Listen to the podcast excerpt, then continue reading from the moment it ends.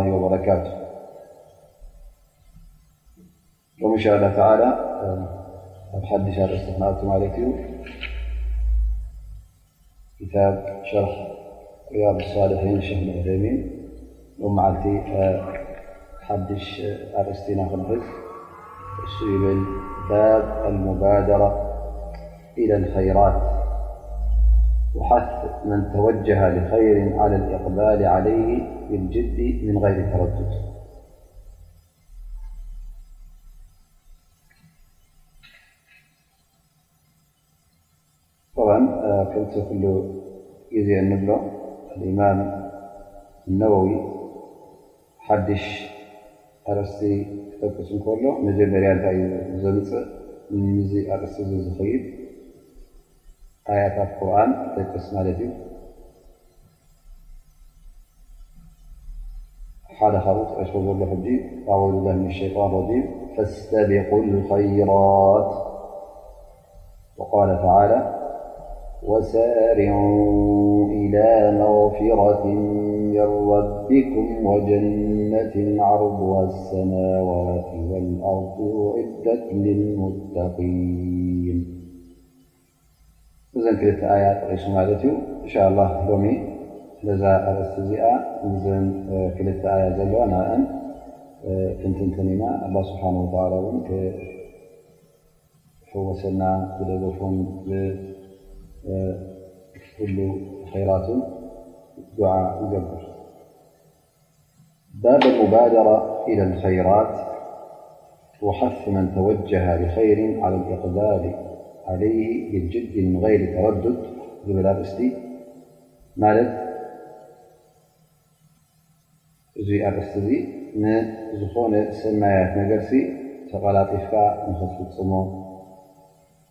ንሓደ ር ነገር እተ ኣሎ ኮይኑ ከዓ ነዚ ር ትገብሮ ከለኻ ብተገዳስነትን ዘይ ምጥርጣርን ትንዕምንዕ ብዘይምባልን ተኺኢልካ ነዚ ጉዳይ እዚ ክትፍፅሞ ዝደፋፍእ ማለት እዩ እዚ ርእስቲ እዚ ሕጂ ክልተ ነገራት ይጥቕልል። ቀዳማይ ንር ነገር ዘብኡስ ተቐላጢፍካ ንክትገብሮ ተቐላጢፍካ ተጓይኻ ግዜ ከይወሰድካ ማለት እዩ። እታ ካልኣይ ድማ እዚ ንሱ ሒዝዎ ዘሎ እሞ ወዲ ሰብሲ እንተ ንሓደ ነገር ንክገብር ንሰናይ ነገር ክገብር እንተ ኣሚቱ እዚ ሰናይ ነገር እዚ ክፍፅሞ ኣለዎ ሕድሓርሕር የብሉን የማን ፀጋም ውን ግልፅ ምልፅ ክብል የብሉን እንታይ ደኣ ተኺሉ ነዚ ጉዳይ እዚ ናብ ረቢ ተወኪሉ ክፍፅሞ ከምዘለዎ እዩ ዘርእየና ዘሎ ማለት እዩ። ስለዚ እቲ ቀዳማይ ነጥቢ ዝጠቐስናዮ እታ ኣልሙባደራ ትብል ሙባደራ ማለት ምቅድዳም ማለት እዩ ነቲ ኼርሲ ከይተደናጎኻ ከይተሃከኻ ክትፍፅሞ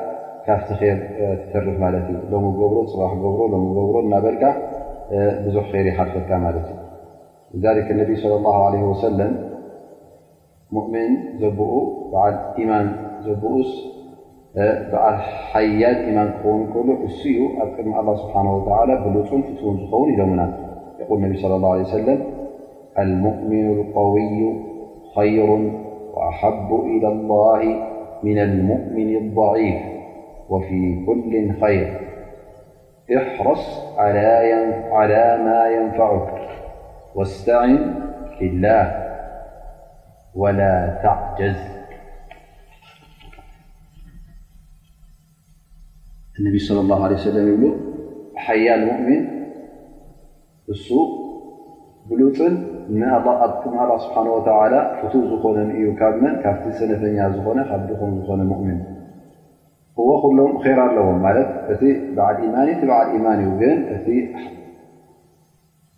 ኣ ስብሓ ሓይሊ ዝሃቦ እሱ ይበልፅ ማለት እዩ ስለዚ ሕረስ ዓለያ ማ የንፍዑ ኩሉ ግዜ ንዝጠቕመካ ነገር ን ተጊፍካ ክትሰርሕ ኣለካ ከተሕልፎ የብልካ ክሓልፈካ የብሉን ንዝኾነ ነገር ውን ክትሰርሕ እንከለኻ እስተዒን ቢላህ ሓገዝ ካብ ኣላ ስብሓን ወተዓላ ሕተት ሓደገዝ ካብ ኣላ ስብሓን ወተዓላ ጥበብ ኢኻ ኣይትስነፍ ኣይትድከም ኢሎምና ነቢ ስለ ላ ለ ወሰለም ስለዚ ወዲ ሰብ ኩሉ ግዜ ክቀላጠፍ ክጓየ ኣለዎ ንር እተ ኮይኑ ንሰናይ እተ ኮይኑስ ክድሓፈር ክደናጎ የብሉን እንታይ ደኣ ጥራይ ናቲ ር መዓስ ክንገብሮ ኢሉ ልቡን ድልየቱን ናብኡ ክኸውን ኣለዎ ማለት እዩ ር ክበሃል ከሎ ሕጂ ብዙሕ ዓይነት እዩ ቀዳማይ ነገር እቲ ኣላ ስብሓን ወተላ ዋጅብ ዝገበሮ ካባኻ ዝጠለቦ ከም ሰላት ዝኣመሰለ ከም ዘካት ጾም ሓጅ እዚታት ኣለካ ብር ልዋልዴን ንወለድኻ ምኽባር ንወለድኻ ፅቡቕ ምግባር ንዕኦም ንምንባይ ንስድራ ቤትካ ንዝማድካ ምብፃሕ ምርኣይ ፅቡቕ ምግባር እዚ ኹሉ ኼር እዩ ማለት እዩ ስለዚ እንተ ኣብ ዝኾነ ይኹን እዋን ነዚ ር እዚ ንክትገብር ዕድል እንተ ረኺብካስ ትዕድል ከተሕልፎ የብልካን እንታይ ደኣ ተቐላጢፍካስ ክትጥቀመሉ ኣለካ ማለት እዩ ምክንያቱ ገለገለ ከር ዘብኡ ነገራት ሎም መዓልቲ ዕድል እንከልካ እንተ ኣሕሊፈያ ፅባሕ ንግሆ እንታይ ርከብ ኣይትፈልጥን ኢኻ ሕማም ኣሎ እርጋን ኣሎ ሞት ኣሎ لومعح بصراح ينونقينون رص ش شم لكملتي فتسر يبالكام النبي صلى الله عليه وسلم يقول إذا أراد أحدكم الحج فليتعجل فإنه قد يمضر المريض وتضل الراحلة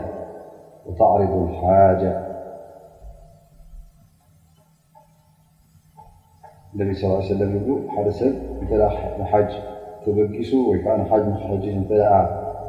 ሓሳብ ገይሩስ ተቐላጢፉ ይሓጅጅ ማለት ኩሉ ነገራቱ ሙሉእ ምስኮነሉ ሕጅ እሞ ላት ሕጅስ ኩሉ ነገራት መሊኡለይ ሞ ክሕጅ ኢሉ እተ ሓሲቡ ይበገስ ይብሉ ምክንያቱ ነቢ ስ ሰለ ይብሉ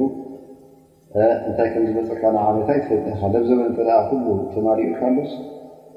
ተቐላጢፍካ ደኣ ዝበሮ ኢኻ ምክንያቱ ምናልባሽ ንዓመታ ሕማም ኣሎ ካልእ ነገር ውን ሽግር ኣሎ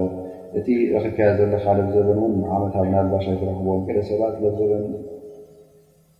ረኺቦም እንከለዉ እሞ ከላስ ረቢ ሂቡኒ ኢሎም ኣብ ክዲ ተቐላጢፎም ዝገብሩ እንታይ ይመስሎም እዚ ረኺቦምዎ ዘለዉ ሽሻይ እዚ ረኺቦምዎ ዘለዉ ገንዘብ ቀፃሊ ይመስሎም እንታይ ኣብ መንጎ መፅእ ኣይፈለጥን እዚ ገንዘብ እዚ ኣብ መንጎ እንታይ የጥፍኦ እንታይ የጉድሎ ስለ ዘይፈልጡ ንዓመታ ዝያዳ ምስ ወሰኹ ኢሎም ይሓስቡ ግን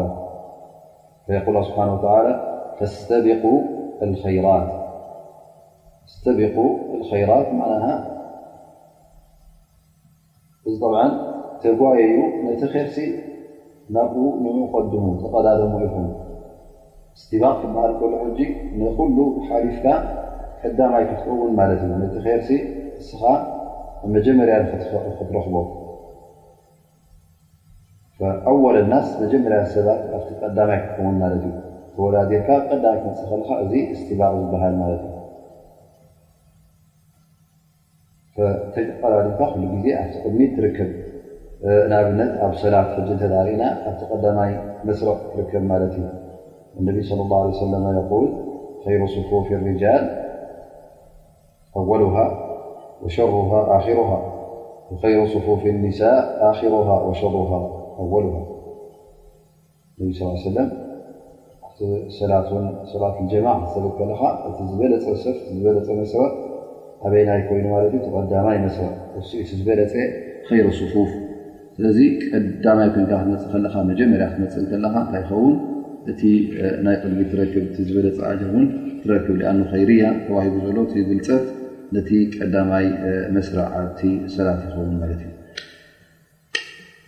ስብሓን ላ ገለ ሰባት ሕጂ ብእዋን መፅኦም ከለዉ ድማ ካብዚ ከይር ይሕረሙ ኣብ ክንዲ መፅኡ ኣብቲ ቀዳማይ መስርዕ ቦታ ዝሕዝ መፅኡ ድሕሪት ኮፍ ክብል ብዓኑ ቅድሚ ሰብ ይመፅኡ ኣብ መጨረሻ ሰላት ኢቓማ ምስ ተገበረ ኣብቲ ራብዓይ ሓሙሻይ መስርዕ ኮይኑ ክሰግ ትረኽቦ እዚ ሰብ እዚ እቲ ር ተረኪብዎ ወይከዓ ነቲ ር ንክረኽቦ ዕድል ረኪቡ ከሎ ኣብ ክንዲ ኣብቲ ቀዳማይ መስርዕ ዝሰግድ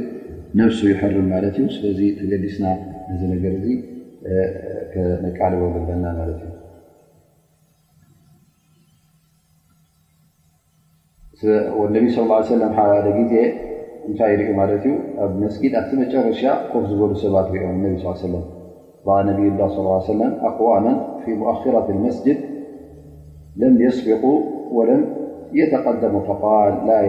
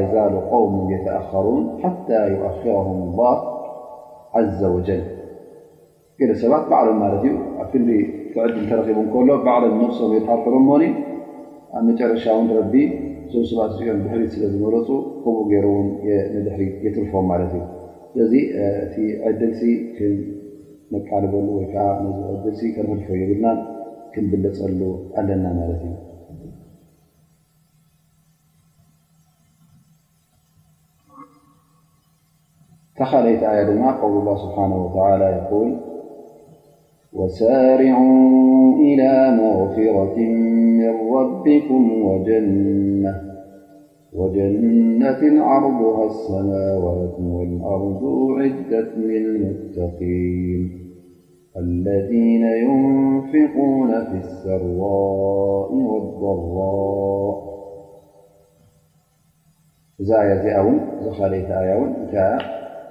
ኣብቲ ናይ መቕፊራ ኣላ ስብሓን ወተላ ናብኡ ክንጓየ ከም ዘለና ትሕብር ሳሪዑ እዚ እውን ሙሳርዓ ምቅልጣፍ ማለት እዩ ናበኻ ትቀላጠፍ ዘለካ እዛ ኣያ እዚኣ ትብለካ ዘላ ኢላ መቕፊረትን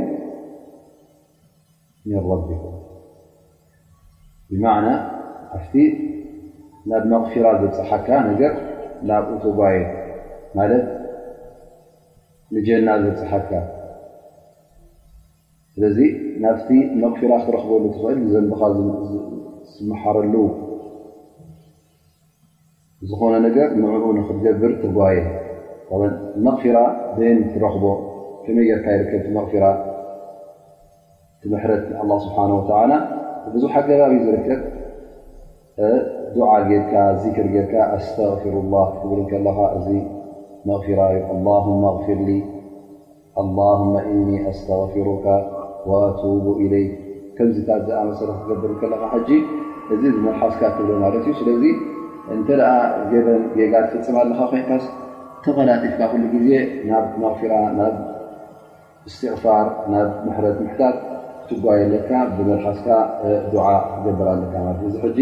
ሓደ ናይቲ ሰበብ ናይ መቕፊራ ይኸውን ማለት እዩ ኣሎ ካልእ እውን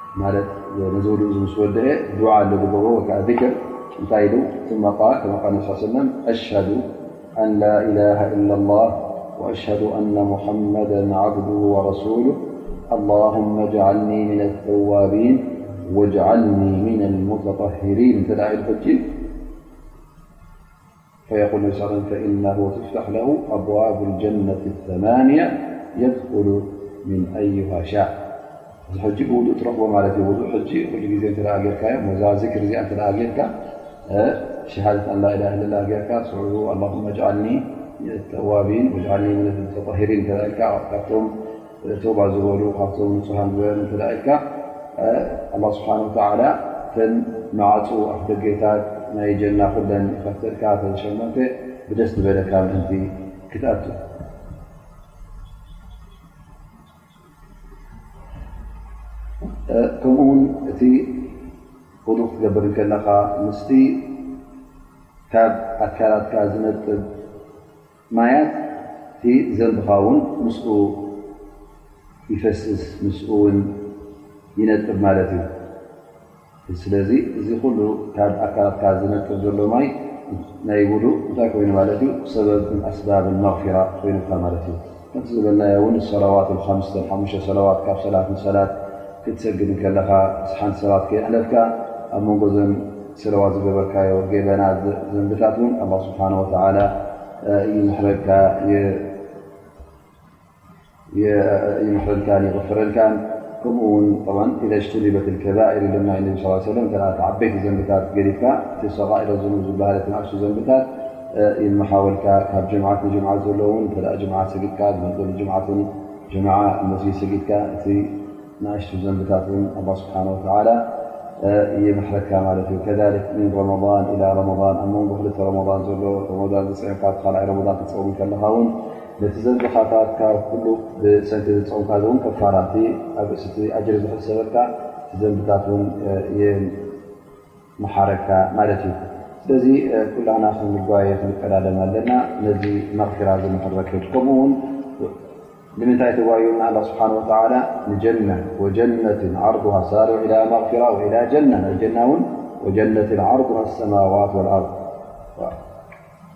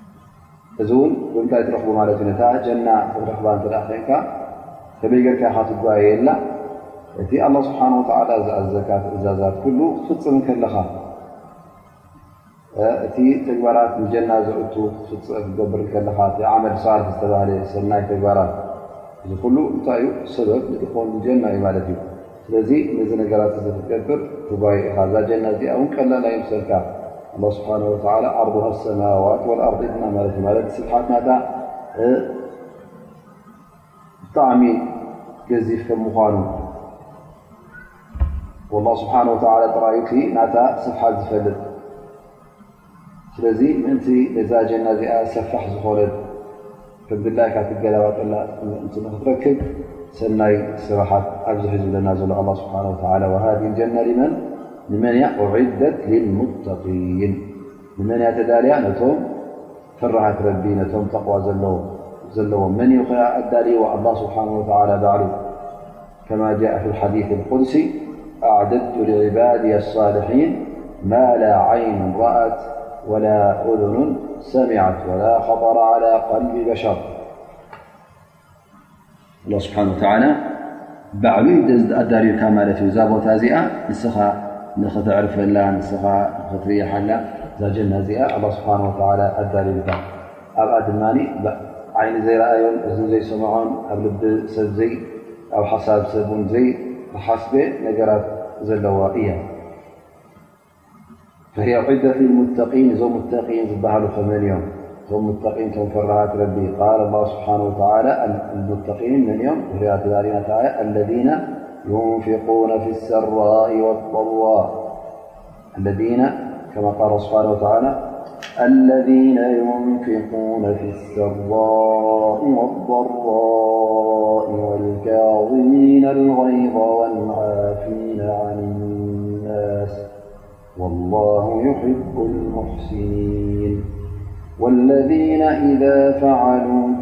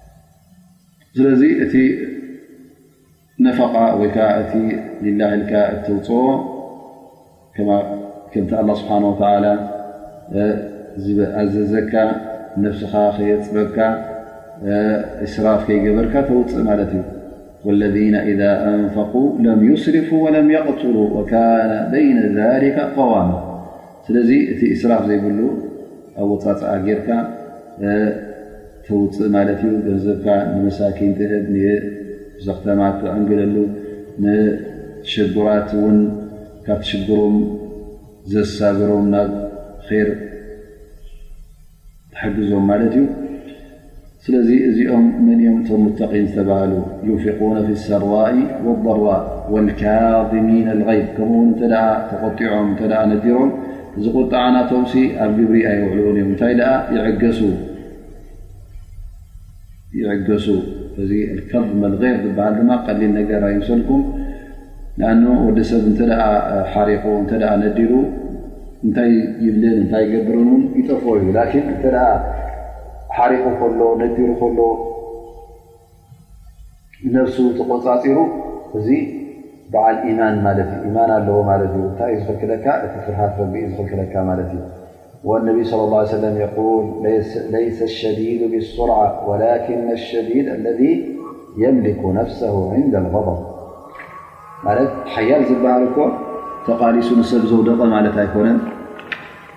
ሓያል ዝበሃል እንተ ኮርዩ እተ ተቆጢዑ እሞ ንነብሱ ዝመልኽ እዚ ዩ ሓያል ዝበሃል እዚ ዩ ክኢላ ዝበሃል ኢሎም ነብዩ صለ ላ ለ ወሰለም ምክንያቱ ከም ዝበልናዮ እቲ ቁጣዐ እቲ ሕርቃን ንብዙሕ ሰባት ስለ ዝስዕሮም ኣብ ጌጋ ስለ ዘውድቖም ነቢ ص ه ሰለ ን ሓደ ሰብ እተ ሓሪቑ ከመይ ገይሩ ከምዝዝሕል ካብቲ ሕርቃኑ ከመይ ገይሩ ከምዝወፅ እውን ሓቢሮምና እዮም ልክዕ መጀመርያ እተ ኣው ብላ ም ሸጣን ረም ክብል ኣለዎ እተ ኮፍ ኢሉ ነይሩ ብጎቦ ኸውን እተ ደው ኢሉ ሩ ኮይኑ ከዓ ኮፍ ይብል ከምዚ ዝኣመሰለ ምንቅስቓሳት ክገብር ፈወስኾም ምኳኑ እውን ነቢ ለ ሰለም ኣብሪሆምልና እዮም ኣ ነቢ صለ ላه ለ ሰለም ሓደ ሰብኣይ ነዲሩ ተቆጢዑ ምስ ረኣይዎ ሕርቃናቱ ላዕሊ ደረጃ በፂሑ ነቢ ስ ሰለ እዚ ሰብ ዚ ከበይ ገይሩ ከምዝዝሕል ሲ ኣነ ፈልጥ ነረ እሞ ከምዝተዝገብር ከምዝን ከምዝን ኢሎም ሓቢሮም ማለት እዩ ስለዚ ኩሉ ሰብ ውን እተ ርእናዮ ሕጂ እቲ መብዝሕት ኣብ ገበናት ኣብ ጌጋ ዝውድቆ እንታይ እዩ ነይሩ መብዝሕት እተ ርእናዮ ሕርቃን ስድራ ቤት ብምንታይ ሕንፍሽፍሽ ይኣትዋ ሰብኣይ ሰበይቲ እተ ርእናዮ ተቆጢ ኣሕሪቓትኒ ሰበይተይ ጠሊቀያ ወይ ከዓ ሳትብልያ ከ ኣሕሪቑኒ ኣነጠልቐኒ ኢሉዮ ከምዚ ዝተባህለ ሕጂ ኣብ ጠላቕ ኣብ ፍትሕ ይባፃሕ ማለት እዩ እቲ ሰብ ከምኡ ውን ሓሪቑ ተቖጢዑ ንውላዱ ይሃርም ክሃርም ከሎ ዓይኒ ስኒ የብለይ ኢልካ ተሃራርማ ኣዕፅምቲ ዝሰብርን ርእሲ ዝፈግእን ኮይኑ ንውላዱ ኣብ ሽግር ዘውድቕ ኣሎ ማለት እዩ ስለዚ እዚ ሕርቃን ነዚ ሕርቃን እዚ ክትቆፃፀር ቀሊል ነገር ኣይኮነን ኢማን ክህልወካ ኣለዎ ሓያል ኢማን ክህልወካ ኣለዎ ሊዛሊክ ኣላ ስብሓን ወተዓላ ንቶም ሙተቒን ወልካዚሚን ኣልገይባ ኢሉ ወዲስዎም ማለት እዩ ምክንያቱ ኣብቲ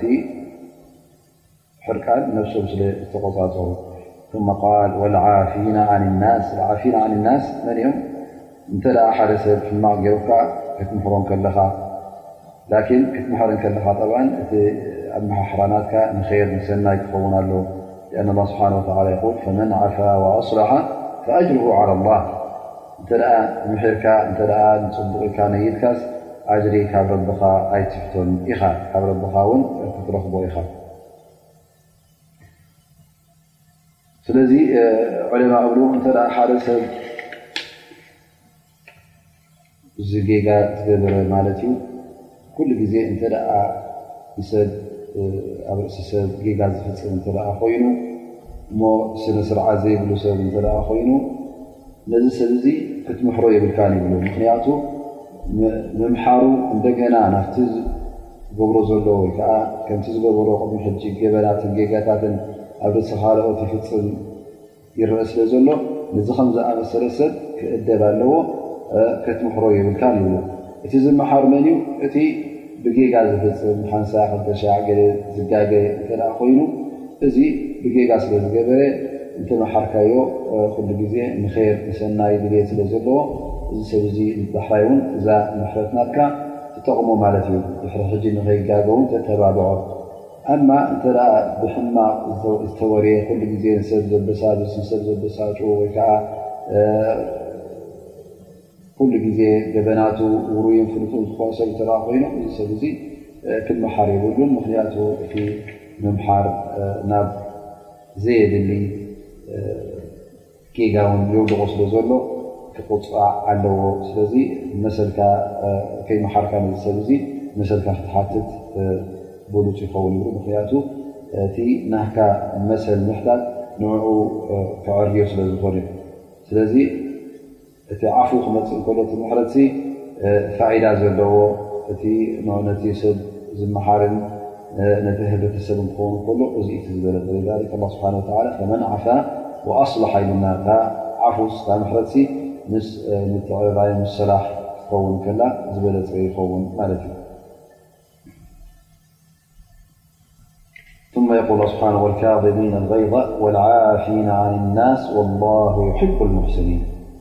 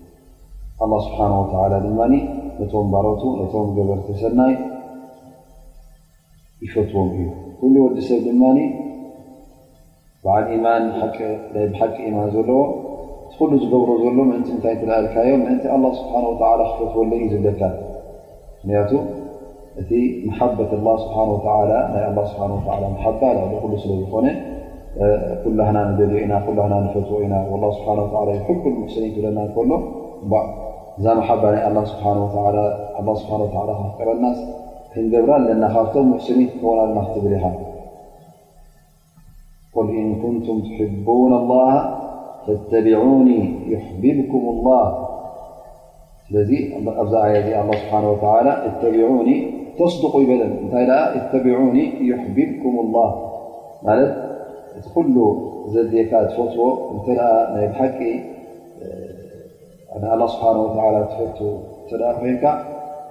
ኣላ ውን ክፈትወካ ትደሊ ኢኻ ፍቕሪ ናቱ ትደሊ ኢኻ ስለዚ እቲ ፍቕርኻ ንኣላ ስብሓን ወተዓላ ፍሪኡ ንኽረክብ ካብቶም ኣላ ስብሓን ወተዓላ ዝፈትዎም ንኽትከውን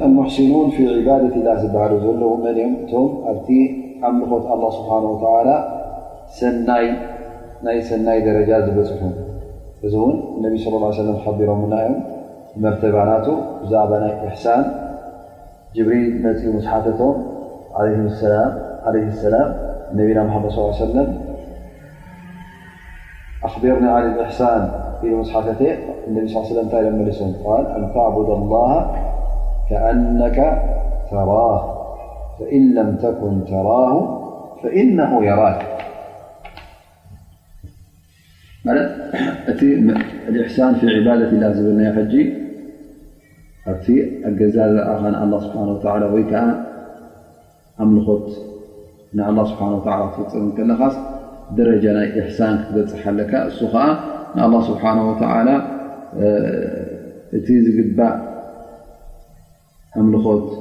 ክትህቦም ከለኻስ ልክዕ ከምዚ ኣብ ዓይንኻ ትሪኦ ዘለኻ ጌርካ ክትፍፅሞ ኣለካ ምክንያቱ ኣላ ስብሓን ወተላ እቲ ዒባዳ ዝደርዮ ካባኻ ብምሉእ ልብኻን ብምሉእ ኣስተውዕሎኻን ክትገብሮ እዩ ዘለካ ማለት እዩ ኣኑ እተ ሓደ ነገር ኣብ ቅድሜኻ ትሪኦ ኣለኻ ኮይንካ ሕጂ እንታይ ይኸውን ማለት እዩ ዝያዳ ተገዳስነት ትገብረሉ እዚ እንተ ዘይተረኽበ ግን እንታይ ክኸውን ኣለዎ ማለት እዩ ፈኢን ለም ተኩን ተራሁ ፈኢነ የራ ማለት ኣላ ስብሓን ወተላ እንተ እዎ ኩላና ይንሪኦ ዩ ኢና እቲ ትሪኦ ኣለካ ንላ ግን ንሱ ኣላ ስብሓን ወተላ ይርእካ ከም ዘሎ እተ እዚ ስምዒት እዚ ኣብ ነፍስኻ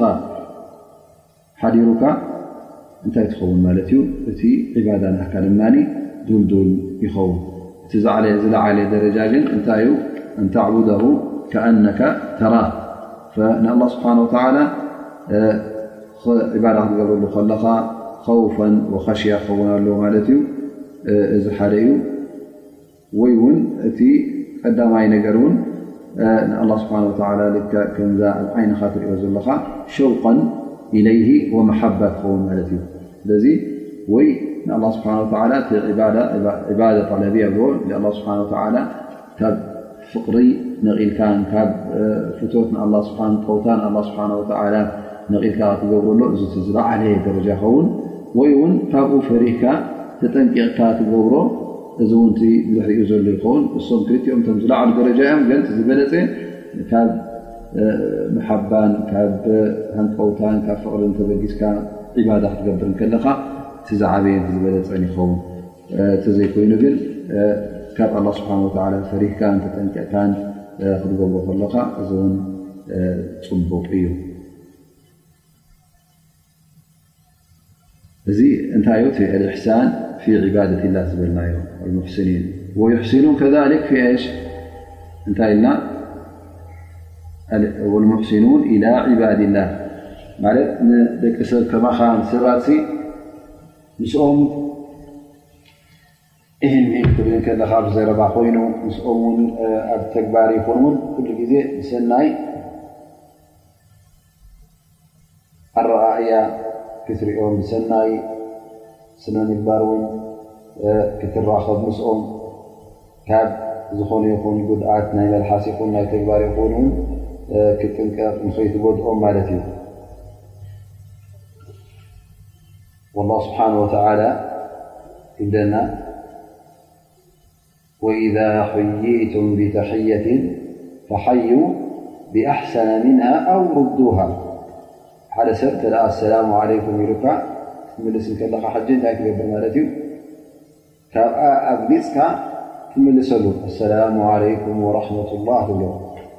እሱ ወይ ከዓ ኣሰላሙ ዓለይኩም ወረሕመትላሂ እንተደኣ ኢሉካ ዓለይኩም ኣሰላም ወረሕመትላሂ ወበረካቱ ጌርካ ኣብሊፅካ ትምልሰሉ ወይ ልክዕ ከምታ ዝበለካ ውን ትብል ማለት እዩ እዙ እቲ እሕሳን ወይ እውን እንተደኣ ፅቡቕ ገይሩ እቲ ሰላም ክብለካ ከሎ ሕጂ ዓው ኢሉ ኣትሪሩ ሰላም ክብለካ ከሎ ንስኻ ድማ ልክዕ ከምኡ ዓው ኢልካ ኣትሪርካ ክትምልሰሉ ኣለካ ደኣ እምበር ገለ ሰባት ሕጂ እቲ ሓደ ሰብ ሰላም ክብሎ እንከሎ እታ ሰላመት ክመልሰሎም እንከሎ ብፍንጩኡ ይምልስ ማለት እዩ ማማ ክብሎ ማለት እዩ እዚኣ ሕጂ ፅቡቕ ጌርካ ኣይመለስካን ከምታ እሱ እውን ዝገበራ እውን ጌርካ ኣይ ሰላም ኣይበልካን ስለዚ ለይሰ ምን ልእሕሳኒ ፊሸይ እዚ እሕሳን ኣይበሃል እዩ ስለዚ እቲ ሰላም ክትብል ከለኻ ናይ ቃል ዘረባ እተ ኮይኑ ከምቲ ተዛረብካ ኣብሊፅካ ወይ ከምኡ እንተሓመቕካ ወይ ከዓ ካብኡ ላዕሊ ክትገብር ኣለካ ማለት እዩ እዚ ብመልሓስካ እቲ እሕሳን ዝበሃል ፅቡቕ ክትዝክሮም ከለካ ንሓደ ሰብ ፅቡቕ ዘረባ ከተስምዖም ከለካ እዚ ኩሉ ናይ መልሓስ ይኸውን ማለት እዩ ናይ ተግባር ድማ ኣሎ እሱ ከዓ እንታይ ይኸውን ብምሕጋዝ ዝከኣለካ መጠን ደገፍ ምግባር ሰደቓ ብምሃብ ኮይኑ ብገንዘብካ ኮይኑ ብሃድያ ኮይኑ ብህያብ ኮይኑ እዚ ኩሉ ሕጂ እንታይ ይኸውን ማለት እዩ እሕሳን ይበሃል ማለት እዩ ንዝኾነ ይኹን ሰብ ዘመትካ ይኹን ቀረባ ወይ ውን ዕርክነት ጎረቤት ኮይኑ ወይ ውን ሓዉኻ ኣስላማይ ኮይኑ እዚ ኩሉ ሰናይ ክትገብረሉ ፅቡቕ ይኸውን ማለት እዩ ከምኡውን ካብቲ ሰናይ እትገብሮ ንሰብ ውን ሓደ ሰብ እንተ ደኣ ኣብ ዘንቢ ኣብ ገበን ኣብ ጌጋ ወድቕ ኣሎ ኮይኑ ካብቲ ወዲቕዎ ዘሎ ዘንቢ ካብኡ ንክወፅእ ዝሕግዞ ኣለካ ማለት እዩ ኣብ ጌጋ ወፅእ ኣብ ጌጋ ወዲቑ ከም ዘሎ ውን كتنر ك تጠنقق ك النبي صلى الله عليه سلم ن انصر أخاك ظالما أو مظلوما قالوا يا رسول الله هذا المظلوم فكيف ننصر الظالم قال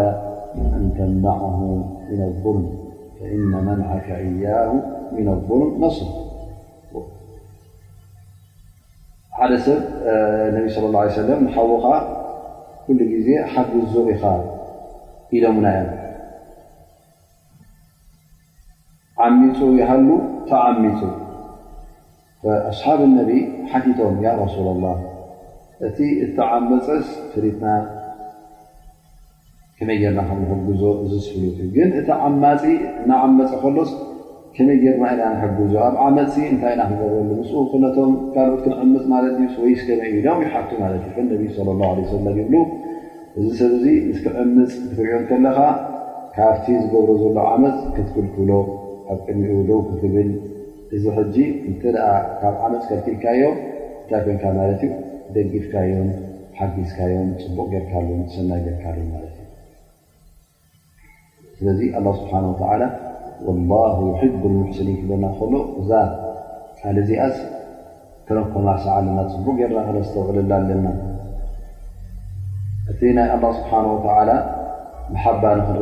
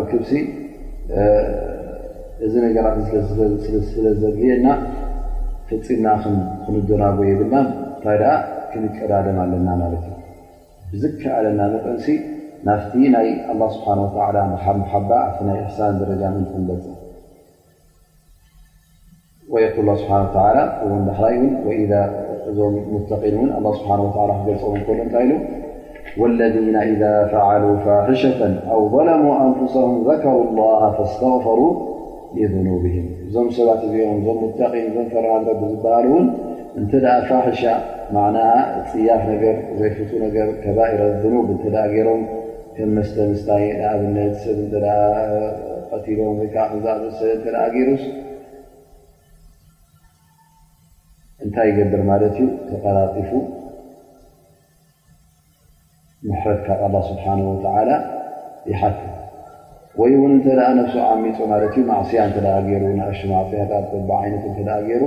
ንኣላ ስብሓ ወላ ክብሪ ኣላ ስብሓ ወላ ኩሉ ግዜ ስለ ዝዝክር እቲ ናይ ኣላ ስብሓ ወላ መቕፃዕትኡ ስለ ዝፈልጥ ንናይ ኣላ ስብሓ ወላ ውን ርህራሀ ስለ ዝፈልጥ ተጓይ ዩ እንታይ ገብር ማለት ዩ ካብቲ ዝወደቑ ማዕስያ ቶባ ኢሉ መቕፊራ እናሓተተ ናብ ኣላ ስብሓን ወላ ይምለስ ማለት እዩ ስለዚ እዞም ከምዚኦም ዝኣመሰሉ እዞም ሙተቒን ንኣላ ስብሓን ወላ ክዝክርዎ ከሎ ብክልተ ነገር ቀዳማይ ነገር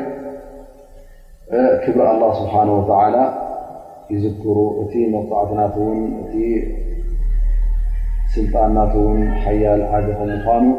ነዚ ነገር ዝዘኪሮም ፍርሃት ስለ ዝመፆም ካብ ነፍሶም ሓፊሮም ውን መቕፊራ ምሕረትን ይሓቱ ማለት እዩ ካልኣይ ድማ እዞም ሰባት እዚኦም እቲ ናይ ኣላ ስብሓን ወተላ ርህራሀ ስለ ዝፈልጡ ቶባ እንተ ኢሎም ውን ኣ ስብሓን ወላ ቶባ ከም ዝብለሎም ውን ስለ ዝፈልጡ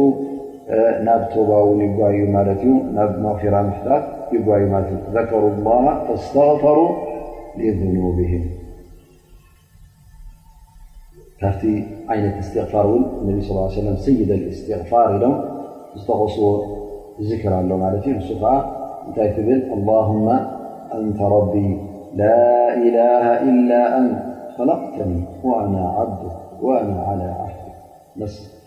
وأنا على عهدك ووعدك ما استطعت أعوذ بك من شر ما صنعت أبوء لك بنعمتك علي وأبوء بذنبي فاغفر لي فإنه لا ي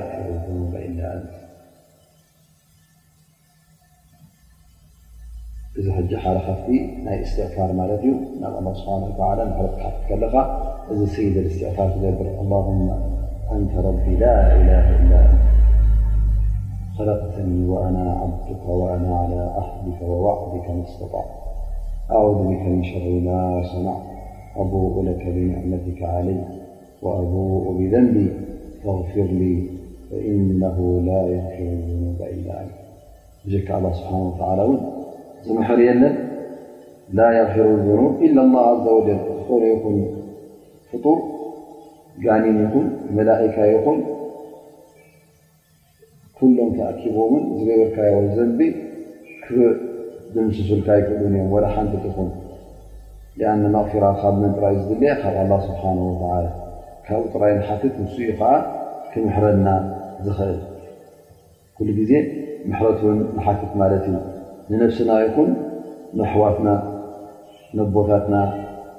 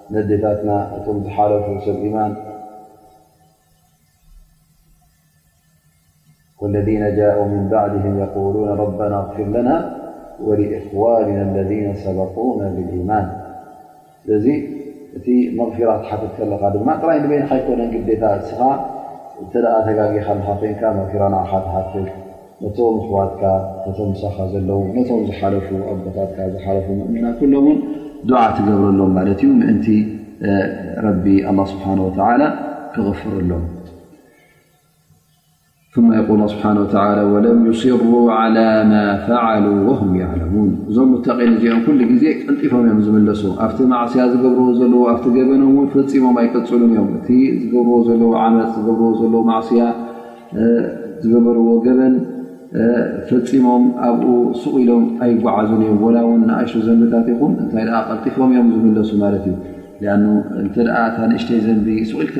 ኣብኣ ቀፂልካ እታ ንእሽተይ ዘንቢ ኣብ ዓባይ ዘንቢ ኣትቕየር ማለት እዩ ላሰغረተ ማዓ እስራር ኢሎም ዑለማ ማለት ምስ እስራር ነቲ ነገር እተ ደጋጊምካ ትገብሩ ኮንካ እዚ ዘንቢ እዚ ሰራ ክሕሰብ ኣይኮነ እንታይ ከቢራ እውን ክልወት እዩ ማለት እዩ ስለዚ ብዙሓት ሰባት ሕጂ ገለ ገለ ዘንብታት ንኣሽቱ ዘንብታት እተ ርእና ንገብሮ ኩሉ ግዜ ቀፂሎም ክፍፅምዎ ትርኢ ማለት እዩ ንኣብነት ሓደ ሰብ እተ ሽጋራ ዝሰቲ ኮይኑ ነዛ ሽጋራ እዚኣ ኣብ ክንዲ ቀልጢፉ ናብ ረቡ ዝምለስ ኣዝ ቢላ ኢሉ ዝገድፋ መዓልቲ መዓልቲ እናደጋገመ ሕጂ እዛ ነገር እዚኣ እናቐፀለ ትረኽቦ ማለት እዩ ስለዚ እዚ ሰብ እዚ ማዕስያ ይገብር ኣሎ እታ ማዕስያ ናቱ ድማ ቀፃሊት ስለዝኾነት እቶም ሙተቒን ግን ፈፂሞም ኣብ ዘንቢ ኣይቅፅሉን እዮም እንታይ ደኣ ወላ ውን እታ ንእሽተይ ትኹን ዘንብስ ቀልጢፎም እዮም ዝምለሱ ማለት እዩ ኣላ ስብሓን ወተዓላ እዚ እቶም ዝኣመሰለ ሰብ እቶም ሙተቒን ሲ ዝዓበየ ኣጅሪ ዳልሎም ከም ዘሎ ጀና ዓባይ ጀና ውን ዓርዱሃ ሰማዋት ከም ዘዳለየሎም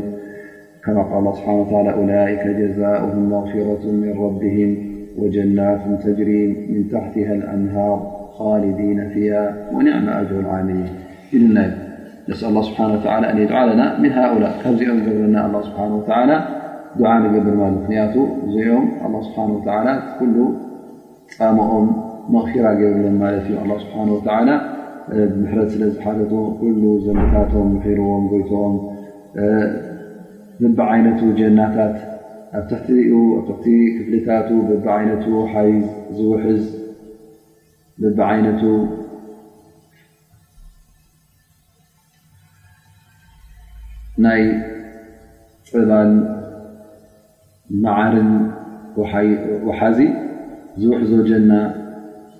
أنهار من ماء وأنهار من لبن وأنهار من عسر مسفى وأنهار من خمر لدة للشاربين ኣላህ ስብሓን ወተዓላ ከም ዘዳለወሎም ኻሊዲነ ፊሃ መዋእሎም ዘየቋርፅ ሽሻይ ዘየቋርፅ ፍስሃን ደስታን ከም ዘዳለወሎም ኣላህ ስብሓን ወተዓላ ይሕብር ማለት እዩ እቲ መጨረሻ እያ ወኒዕመ ኣጅሩ ልዓሚሊን እዚ ድማ እቲ ዝበለፀ እቲ ዝዓበየ መሃያን ፃባን ናይ መን ሞሳ ናይቶም ገበርቲ ሰናይ ናይቶም ሰራሕተኛታት እዩ ኢሉ ኣላ ስብሓን ወተላ ሓቢሮና ማለት እዩ ስለዚ ኣላ ስብሓን ወተላ ካብዞም ሙተቒን ክገብረና ካብዞም ፈራሃት ረቢ ካብቶም ረቢ ዝመሓሮም ኣላ ስብሓን ወተላ ዝለዋሃሎም ክገብረና ዱዓ እናገበርና